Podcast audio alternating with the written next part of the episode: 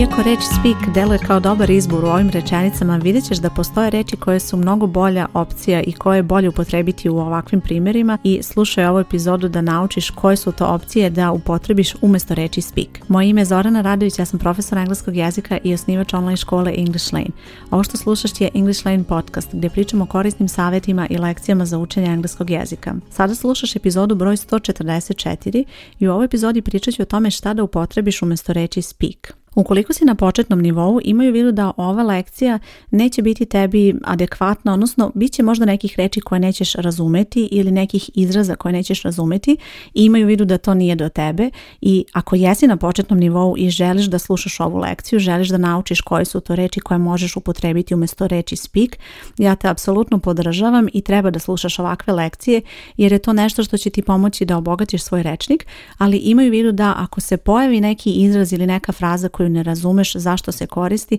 imaju u vidu da ukoliko organizovano učiš engleski jezik, sve će to doći na svoje i vremenom ćeš sve naučiti kako treba po programu koji učiš, a sada možeš slušati ovu epizodu i naučiti koje su to reči koje možeš upotrebiti. Imamo reč speak i ta reč znači imati razgovor sa nekim, odnosno pričati sa nekim i ta reč je nešto što ćeš naučiti zaista na početnom nivou, ali kako napreduješ sa učenjem engleskog jezika vidjet ćeš da postoje različite različiti načini na koje osobe pričaju i iako ćeš vrlo često prevesti te reči i dalje pričati, postoje mnogo bolje opcije na engleskom jeziku i mnogo bolje reči koje ćeš upotrebiti u takvim situacijama i počet ćemo od prve reči. Prva reč je discuss.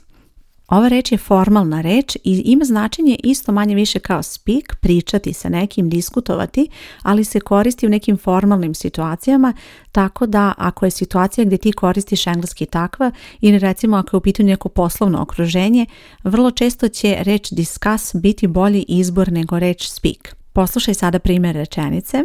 I would like to discuss this issue. U ovoj rečenici naravno možeš upotrebiti i reč speak, ali imaju vidu da ako je u pitanju neka formalna situacija, bolji izbor je reč discuss i postoji još jedan detalj koji je važno da zapamtiš kada koristiš reč discuss, nećeš reći about i to je nešto što je bitno da zapamtiš jer kada koristiš reč speak i kada želiš da kažeš da pričaš o nečemu, koristit ćeš speak about i onda ćeš biti u situaciji da kada koristiš neku reč koja je sinonim toj reči kao što je reč discuss, da onako kreneš da koristiš reč about uz tu reč i to je nešto što se dešava vrlo često i zato se pravi često ta greška, ali imaju u vidu da uz discuss ne ide ta reč about. Znači možeš reći let's discuss this issue ili možeš reći let's speak about this issue. I vrlo je bitno da kada učiš engleski jezik i kada učiš ove reči koje na izgled imaju isto značenje, vrlo je bitno da razumeš zapravo kako se te reči koriste i koje su te razlike u značenju, jer na taj način jedino možeš pravilno da upotrebiš te reči u situacijama kada je to potrebno i na taj način obogaćuješ svoj rečnik i možeš da zvučiš mnogo bolje kada pričaš na engleskom, jer ćeš biti u situaciji da možeš da izabereš odgovarajuću adekvatnu reč koja je potrebna u određenoj situaciji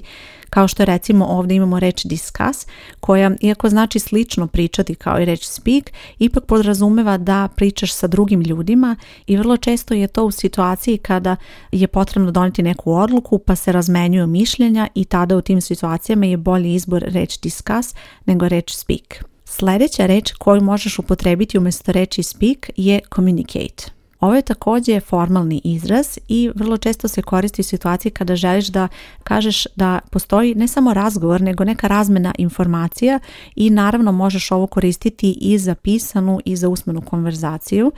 I poslušaj primjer rečenice. They don't live in the same country and they only communicate by email. I u ovoj situaciji možeš reći speak i to je nešto što bi bilo eto neutralno da kažem, a ova reč communicate je bolja ako želiš da prikažeš tu rečenicu na malo formalniji način i ako želiš da se izražavaš naravno malo složenije i to je nešto što je vrlo često tipično za pisanu konverzaciju, mnogo više nego za usmenu. A dolazimo do sljedeće reči koja je tipična za usmenu konverzaciju, a to je reč chat ova reč znači pričati, odnosno ćaskati i koristiš je u nekoj situaciji kada je neformalna situacija, kada je neki neformalni razgovor, posebno razgovor recimo sa prijateljima i to je nešto što možeš koristiti umjesto reći speak jer tada bi recimo u toj situaciji reč speak možda zvučala previše formalno ako već pričaš sa prijateljima onda ćeš preupotrebiti reč chat. Poslušaj primjer rečenice. We can chat about it over lunch. I opet ovdje možeš reći speak, ali ako je u pitanju neka poznata situacija, neki krug prijatelja, zvučeći previše formalno ta reč speak i bolji izbor je reč chat. Jer obrati pažnju, kada nekome kažeš we can speak about it, ili we can chat about it. Unapred već postoji neka očekivanja kada čuješ osobu koja izgovara te rečenice, jer osoba koja izgovara chat znači da će razgovor biti neki neformalan razgovor, a kada čuješ reč speak postoji mogućnost da je u pitanju neki malo formalniji i ozbiljniji razgovor. Dakle, samo ta jedna reč, iako deluje značenje isto, nosi eto tu neku uh, skriveno značenje, da kažem, sa sobom i zato je vrlo bitan taj izbor reči. Sljedeća reč je reč utter. Ova reč znači reći nešto, odnosno progovoriti i vrlo često se koristi u situaciji kada postoji neka negativna, odnosno kada se ne izgovara ništa. I poslušaj primjer rečenice. No one uttered a word. U ovoj rečenici može se naravno reći no one spoke a word, ali kada želiš da naglasiš da je ta neka napeta recimo situacija ili nešto zbog čega bi svi onako na trenutak ućutali, onda možeš upotrebiti tu reč utter i ona eto ima to značenje u sebi, a ukoliko želiš naravno da ipak bude to nešto neutralniji ton, onda ćeš izabrati reč speak. I dolazimo do posljednje reči koju možeš upotrebiti umjesto reči speak i to je možda reč za koju ni ne razmišljaš prosto da može da se upotrebi u ovoj situaciji, ali je vrlo korisna i vidjet ćeš da ima onako dosta neutralno značenje kao i sama reč speak, a to je reč share.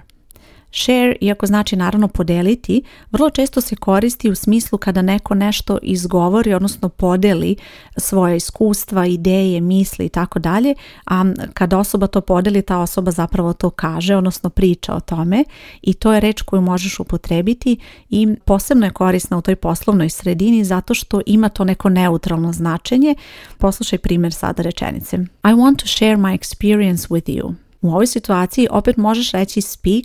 I want to speak about my experience with you i dosta je slično značenje, ali kada koristiš reč share, mnogo je bolje na taj način reći ako želiš da tvoj engleski zvuči malo složenije i umjesto share naravno možeš upotrebiti reč speak,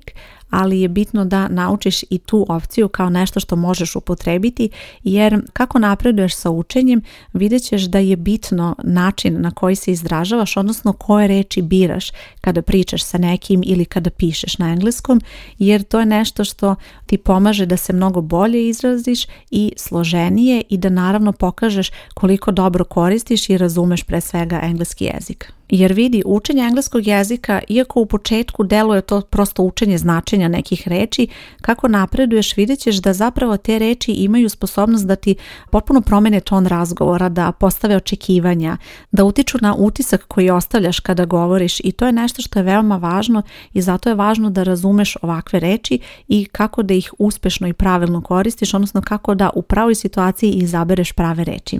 Evo, ovo znači ići korak dalje kada je u pitanju učenja engleskog jezika zato što je ovo način da razumeš sve ono što učiš i da upotrebiš na pravi način. I ako učiš engleski u mojoj školi, vidjet ćeš da svaka nova lekcija i nove reči će ti pomoći da otkriješ ne samo značenje tih reči, već i da vežbaš kako da ih pravilno upotrebiš i u kojim situacijama slobodno mi možeš poslati poruku u bilo kom trenutku kada imaš tako nedoumice, sve te neke nijanse na izgled da li može ova reč ili mora ova reč, slobodno mi pošalji poruku jer vrlo je bitno da razumeš razliku i da je to nešto što će ti pomoći da uspešno savladaš engleski jezik i ukoliko želiš da učiš engleski u mojoj školi, na ovoj stranici gdje slušaš podcast postoji link ka školi ili možeš potražiti English Lane online škola i tu ćeš pronaći sve detalje i kako možeš da se prijaviš.